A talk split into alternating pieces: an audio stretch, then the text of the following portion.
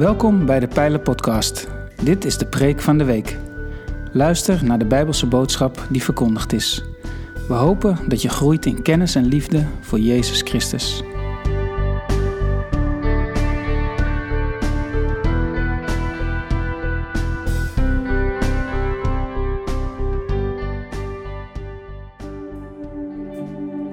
Morgen.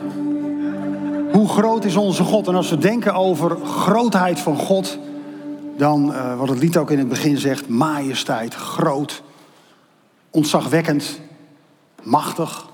Dat zijn de kreten die we hebben. En ehm, van de week was er wat, eh, wat reuring. En ehm, dat reuring, dat, dat kwam doordat... ehm, ja, ik, weet, ik ga nu iets doen wat ze hebben gezegd in de opleiding. Doe dat nooit. Praat nooit over politiek in je preek. Nou, ik ga het lekker wel doen. En als u het niet leuk vindt, brieven naar de raad. Maarten, postbus open. Nee. ehm, van de week was er een politicus. Althans, hij noemt zichzelf politicus. Hij wordt betaald als een politiek, eh, politicus. Ik heb niet het gevoel dat hij veel politiek bedrijft. Maar ons aller, Thierry Baudet, had een leuk interview in Engeland. En daar waar hij in 2021 nog vertelde dat Jezus zijn voorbeeld was en dat hij het inspirerend vond hoe Jezus in alles in staat was om zijn materiële wensen los te laten om zijn idealen te bereiken. Echt gewoon dat iedereen dacht, oh, die, die Thierry die is stiekem gewoon christen hè, die is één van ons.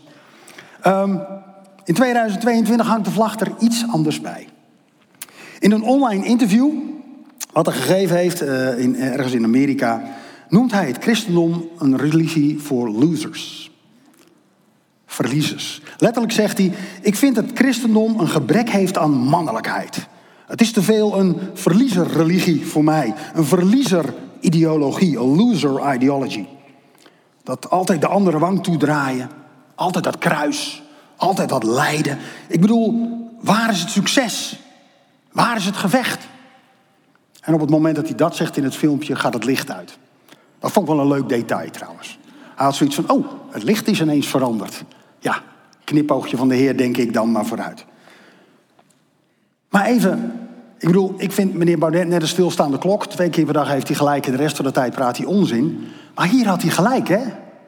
Het is voor het eerst dat ik echt onomwonden kan zeggen, ik was het helemaal met hem eens. En dat is voor het eerst, dat is nog nooit gebeurd. Weet u hoe Paulus zou antwoorden op deze uitlating van Thierry Baudet? Hoe Paulus hem zou antwoorden. Paulus horen we in de schrift spreken in 1 Corinthians 1, vers 27 en 28. Daarin schrijft Paulus het volgende aan de gemeente de Korinthe. Maar wat in de ogen van de wereld dwaas is, heeft God uitgekozen om de wijzen te beschamen. Wat in de ogen van de wereld zwak is, heeft God uitgekozen om de sterken te beschamen.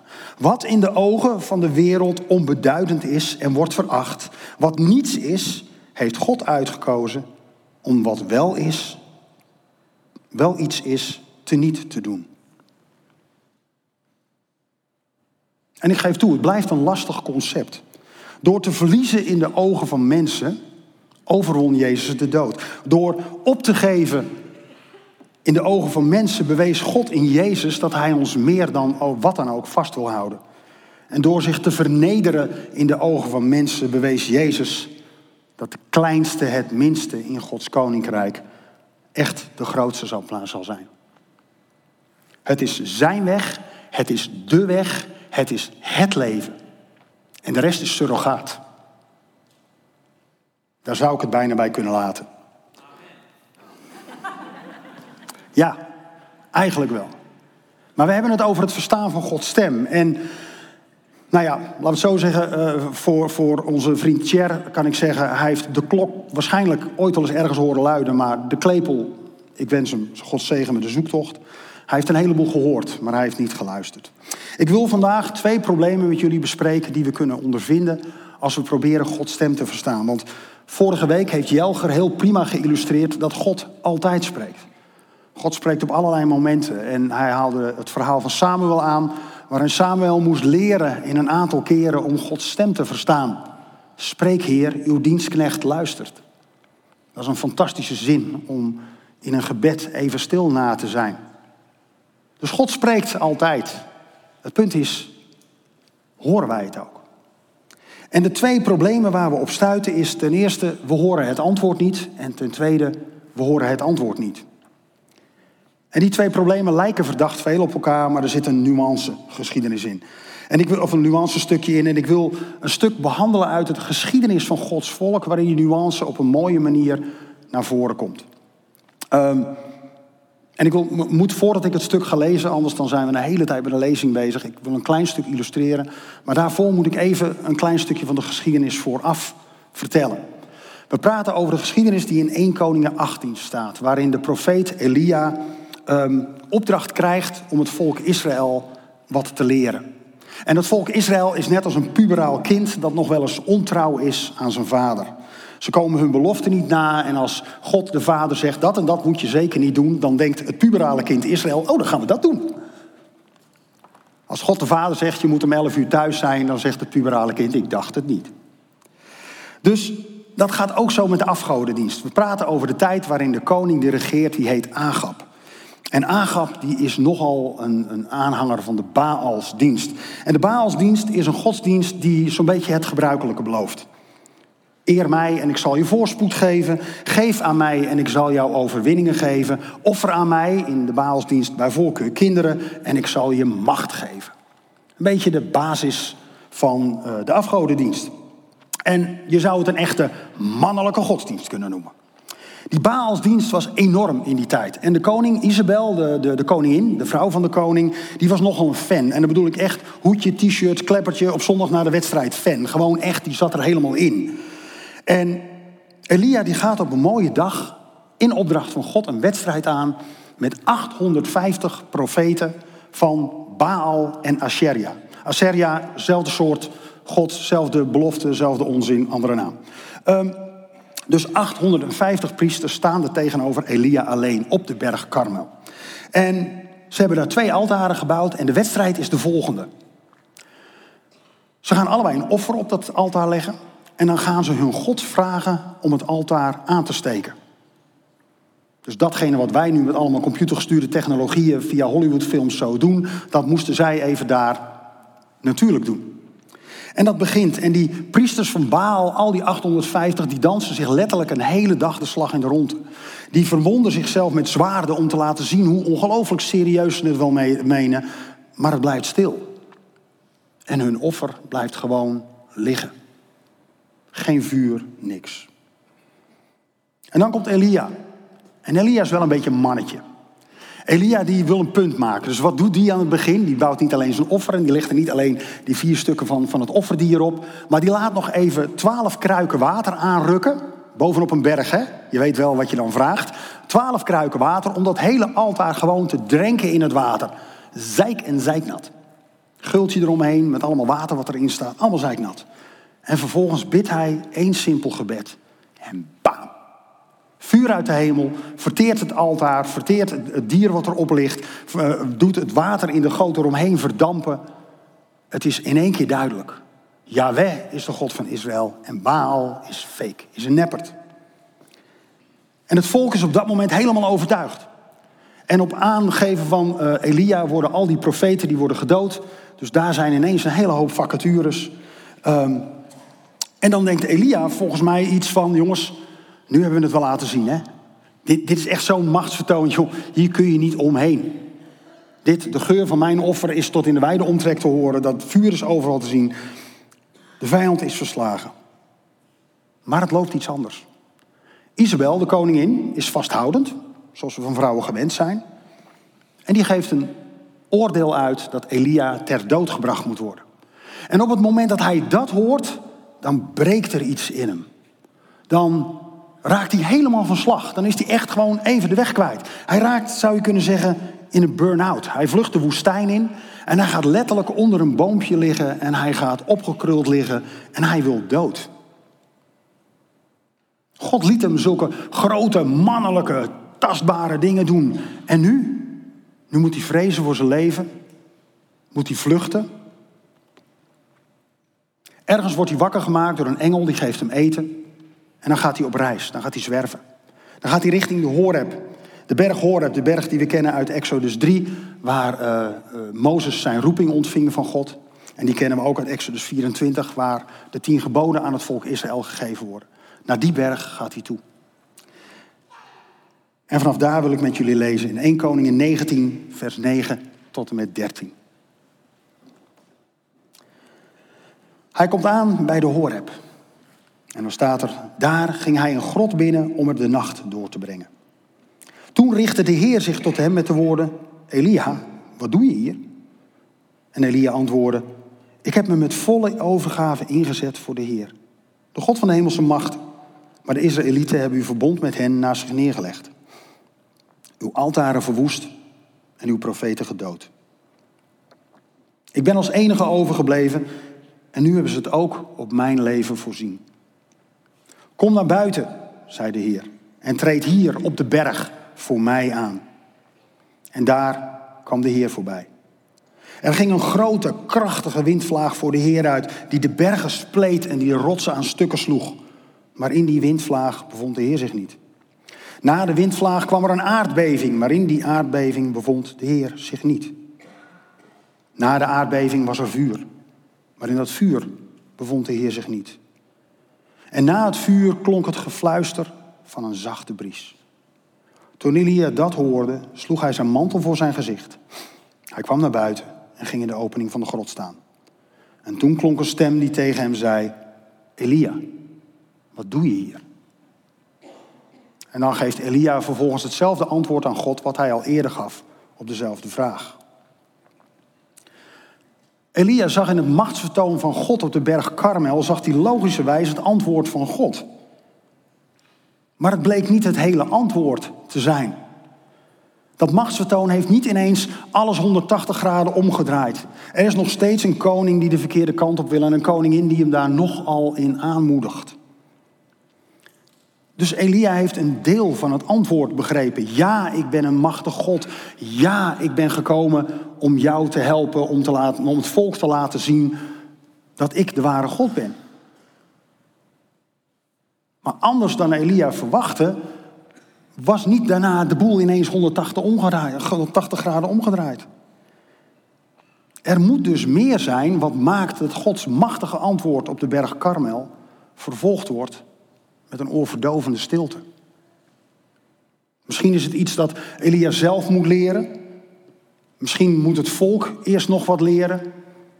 Blijkbaar begrijpt hij hier Gods antwoord niet helemaal.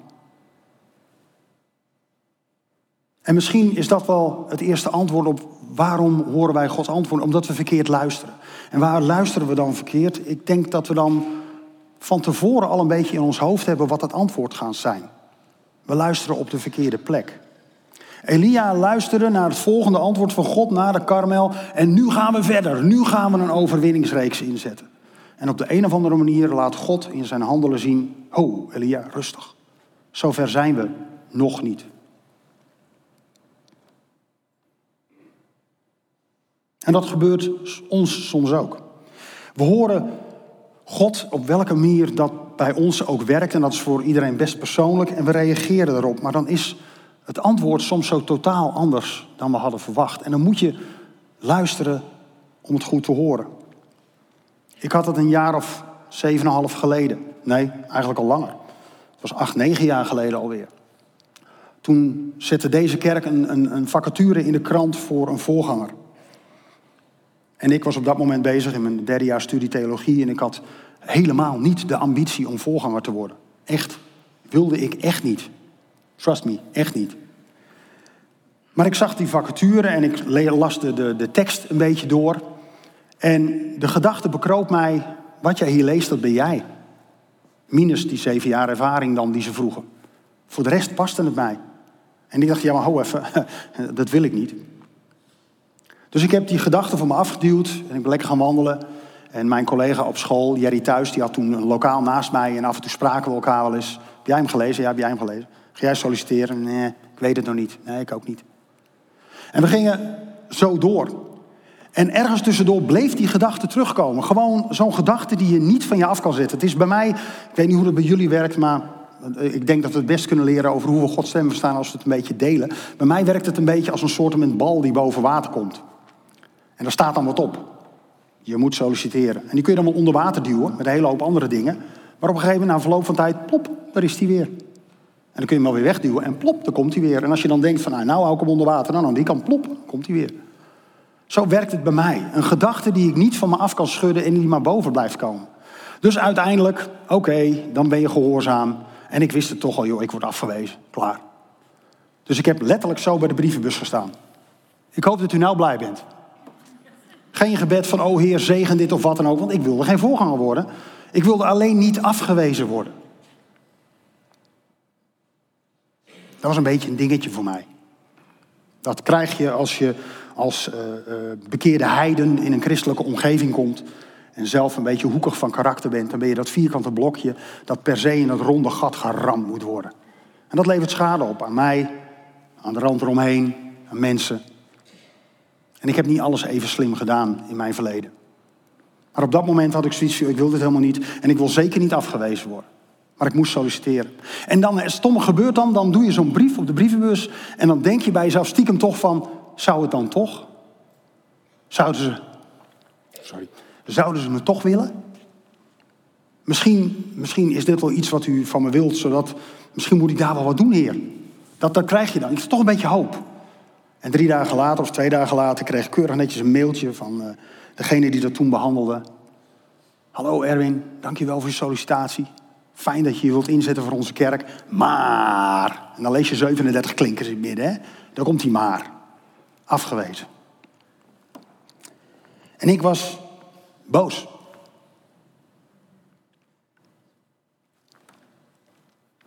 Een beetje zoals Elia. Zie je wel, het gebeurt toch nooit zoals ik denk dat het gebeurt. En Elia vluchtte de woestijn in. Ik ging wandelen met de hond. Je bent boos, je, bent, je zit vol met onbegrip. En op dat, dat soort momenten kun je Gods woorden vaak ook lastig horen. Want de donder van jouw boosheid, het vuur van jouw woede, de aardbeving van, van datgene wat je niet wilt, van je onbegrepen voelen, dat klinkt zo hard. En God kiest ervoor om daar niet mee in gevecht te gaan. Hij heeft geduld en hij wacht af.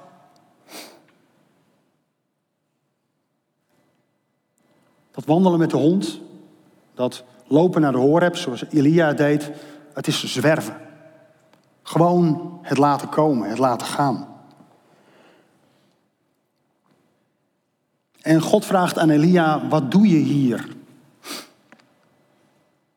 Hij vraagt Elia, kijk nou eens naar jezelf. Wat heeft je nou hier gebracht? En ik kreeg zo'n soort met hetzelfde vraag. Ik liep met de hond en er was één gedachte die steeds oppopte. Tussen mijn boosheid. Ben je mij gehoorzaam geweest? Stomme vraag. Ik ben gewoon boos. Moeten me daar niet. En zie je wel, ik had het nooit moeten doen. Ben je mij gehoorzaam geweest? Ja, maar stom en hier. En nu zullen ze wel dit van me denken en dat. En pop. Ben je mij gehoorzaam geweest? En na een tijdje was ik het zo zat dat ik hardop heb gezegd van ja, ik ben gehoorzaam geweest.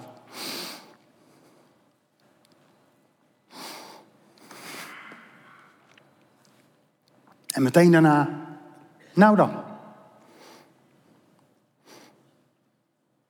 En die kwam binnen. Ben je mij gehoorzaam geweest? Ja. Nou dan.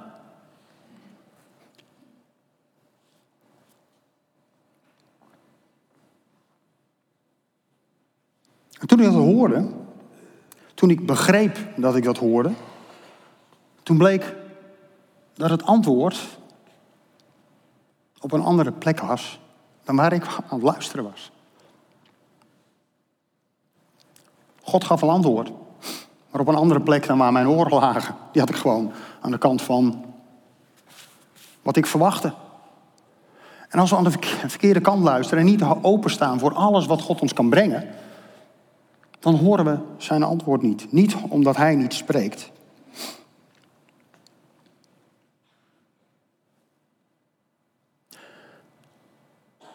En dan luisteren we soms ook nog op het verkeerde volume.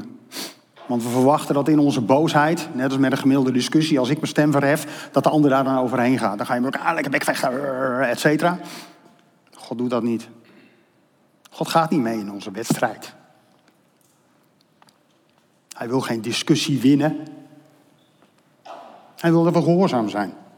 En als we daar al strijd in hebben, en die hebben we, en die hebben velen van ons op vele punten. En ik zie heel veel mensen voor me waarvan ik een heleboel heel goed ken. En ik snap bij sommige mensen de enorme vragen.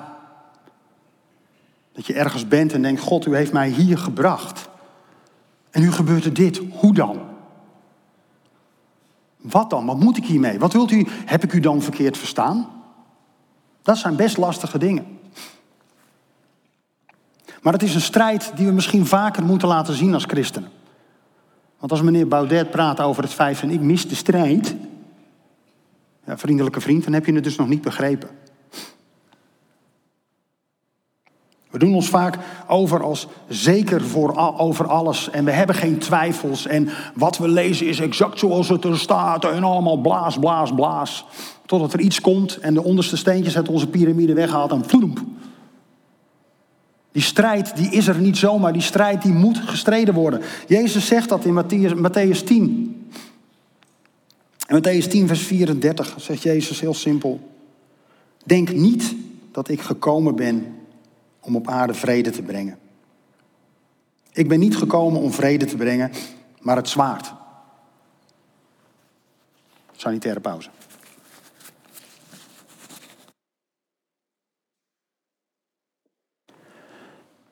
Het leven is vol strijd en het zal vol strijd blijven, want de wereld klopt niet. En als je je verzet tegen datgene wat er in de wereld niet klopt, dan levert dat strijd op. Elke keer wanneer we iets goed doen, elke keer als wij iets doen dat Hem eer brengt, dan zal de strijd volgen. En dat komt omdat de wereld niet hetzelfde kompas heeft als wij. Ons kompas is de Bijbel, Gods Woord. En het kompas van de wereld dat schreeuwt, oh dreiging, op het moment dat wij iemand een schuilplaats willen bieden. Het kompas van de wereld dat roept angst voor tekort op het moment dat wij willen delen uit wat we hebben. En het kompas van de wereld wijst naar ons ego op het moment dat de Bijbel vraagt om ons nederig op te stellen. Dus het is logisch dat die strijd komt. En dus zullen we in alles moeten luisteren naar het antwoord dat God ons wil geven. Niet naar het antwoord dat we zelf verwachten of waar we op hopen, dat mag wel. Maar luister breder, luister verder. Misschien moeten we onze offers, ons handelen, onze gedachten voor God meer leren zien als een cadeau wat we geven aan God. Zo ging ik het zien toen ik terugkwam met mijn wandeling, uh, van mijn wandeling met de hond. Mijn sollicitatie, die brief in die brievenbus, was een cadeau aan God. En stel, je wil een cadeau geven aan God. We gaan het gewoon even een beetje, beetje plastisch maken. Uh, ik wil een cadeau geven aan God. Dan ga ik naar de boektiek. Dan ga ik al die boeken daardoor kijken. Er liggen fantastische boeken tussen. En dan zoek ik op een gegeven moment een boek waarvan ik denk van... oh, die heeft God nog niet gelezen. Die is fantastisch. Dan denk ik, dit is iets dat, dat zal hij mooi vinden. Er zit een beetje humor in, een beetje intellect. Misschien iets wat ik zelf al een keer gelezen heb. Hè. En dan uh, denk je, oké, en die laat ik dus heel mooi inpakken. Gewoon fantastisch. En dan ga ik naar God en dan bied ik hem dat boek aan. En terwijl God hem uitpakt, kijkt God naar de kaft en naar de rug. En hij zegt, oh, fantastisch. Prachtig boek. Precies wat ik nodig heb. Dank je wel dat je dat aan mij geeft. En, en tegelijkertijd denk ik al, ik weet niet of ik de enige ben, maar dan denk je al zoiets van, oh straks ligt God in zijn hangmat, ligt hij dat boek te lezen en dan denk je, oh die Erwin die snapt toch wel echt uh, hoe die mij, oh, we hebben al het idee hoe hij gaat genieten van het boek. Maar God kijkt naar het boek en die loopt naar het bureau in zijn kantoor en die tilt hem op en die schuift hem eronder en die zegt, zie je wel, precies goed.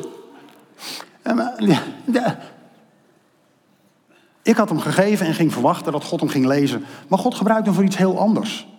Het is een cadeau aan hem. En we moeten aan hem overlaten wat hij ermee doet. Al leest hij er nooit een letter in. Hij is blij met wat we geven uit gehoorzaamheid. Het gaat erom dat we ons handelen, ons denken, onze daden, onze offers aan God geven. En dat Hij vervolgens bepaalt wat hij daarmee doet. En te vaak willen we dat zelf bepalen.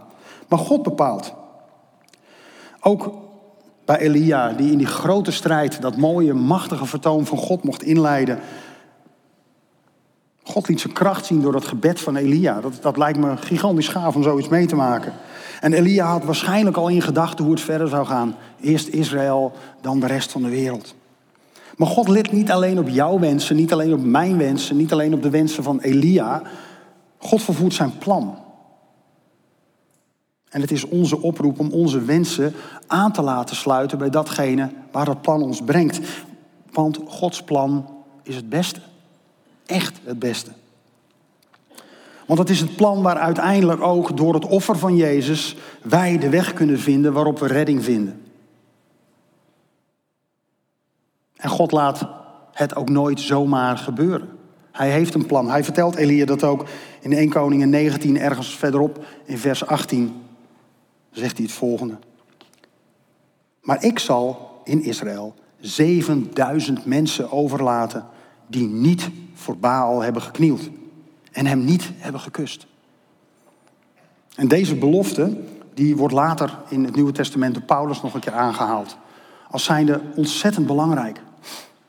Daar waar Elia denkt, joh, ik heb alles overwonnen, lijkt het de dag daarna alsof hij alles verloren heeft. En God zegt, maar we zijn nog niet klaar. Mijn plan is nog niet klaar. Ik heb het vervolgplan voor elkaar. En dat mag ons geruststellen wanneer we Gods stem horen. Wanneer we de geluiden eromheen wegfilteren. En vertrouwen op wat Hij gaat doen. Onze gehoorzaamheid is een cadeau aan Hem. Voor degenen die het verhaal verder niet meegemaakt hebben, ik ben dus afgewezen voor de functie van voorganger in deze kerk. Maar ik ben het toch. Dat is zo'n ding, dat wist ik niet toen ik boos ging wandelen.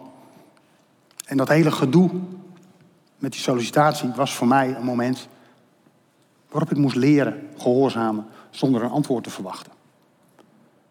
En dat is best lastig, gehoorzamen zonder dat je weet waar het heen brengt. Dat is een beetje als springen zonder dat je weet dat er een overkant is.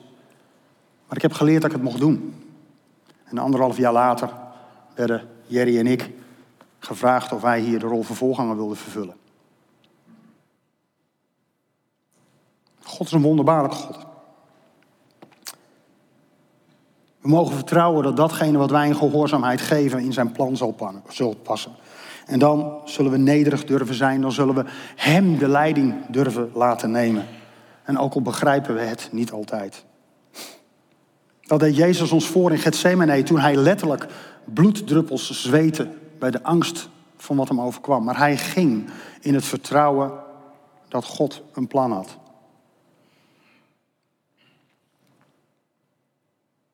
In de fluister van de wind was Gods stem. Ik wil een moment nemen. Ik wil ongeveer een minuut stil zijn in gebed. En ik wil je vragen om dan je ogen te sluiten, om je handen te vouwen. En dan gewoon de Heer te vragen, misschien wel de woorden van Samuel. Spreek Heer, uw dienstknecht luistert. Of Heer, vertel mij uw weg, vertel mij de bestemming die u voor mij heeft. Ik wil gaan, maar wijs mij welke kant op. Gewoon een minuut, begin in gebed. En als je dan mijn amen hoort, of de muziek hoort starten, dan hoef je niet te stoppen met gebed. Bid door. Het kruis achteraan zal straks verlicht worden voor de mensen die hun gebed samen met anderen willen doorzetten. Die het nodig hebben om even met iemand in gebed te zijn.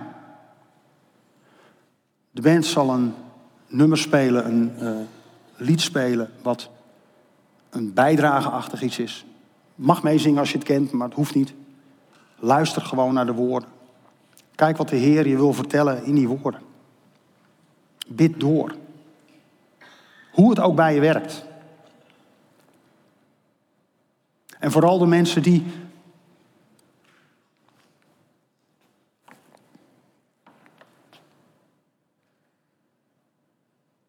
Vooral de mensen die de afgelopen tijd klappen hebben gehad van het leven. De mensen die denken, het heeft toch geen nut. Ik zie allemaal mensen die helemaal fantastisch met God aan de gang zijn en die spreken over grote dingen. Maar mij vergeet hij. Blijf je uitstrekken. Luister op een ander volume. Luister op een andere plek. Bezoek God. Zoek zijn wil. Laten we stil zijn.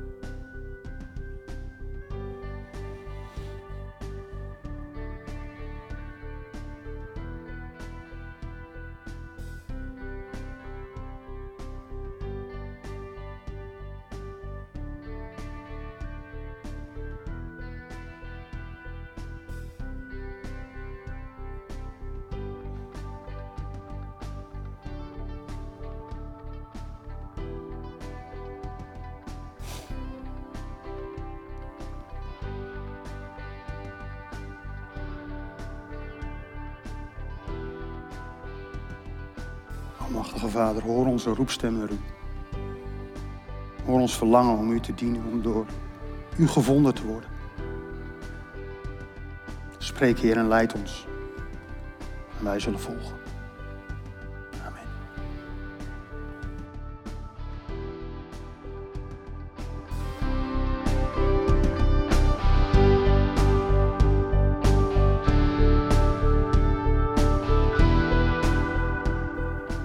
Bedankt voor het luisteren naar deze aflevering van de Pijlen Podcast, Preek van de Week.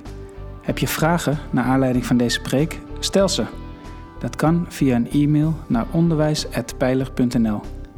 We helpen je graag verder in je groei als leerling van Jezus Christus. Abonneer je op deze podcast, zodat je altijd op de hoogte blijft van het onderwijs uit de Pijler. Goede week gewenst, ga in vrede, want God is nabij.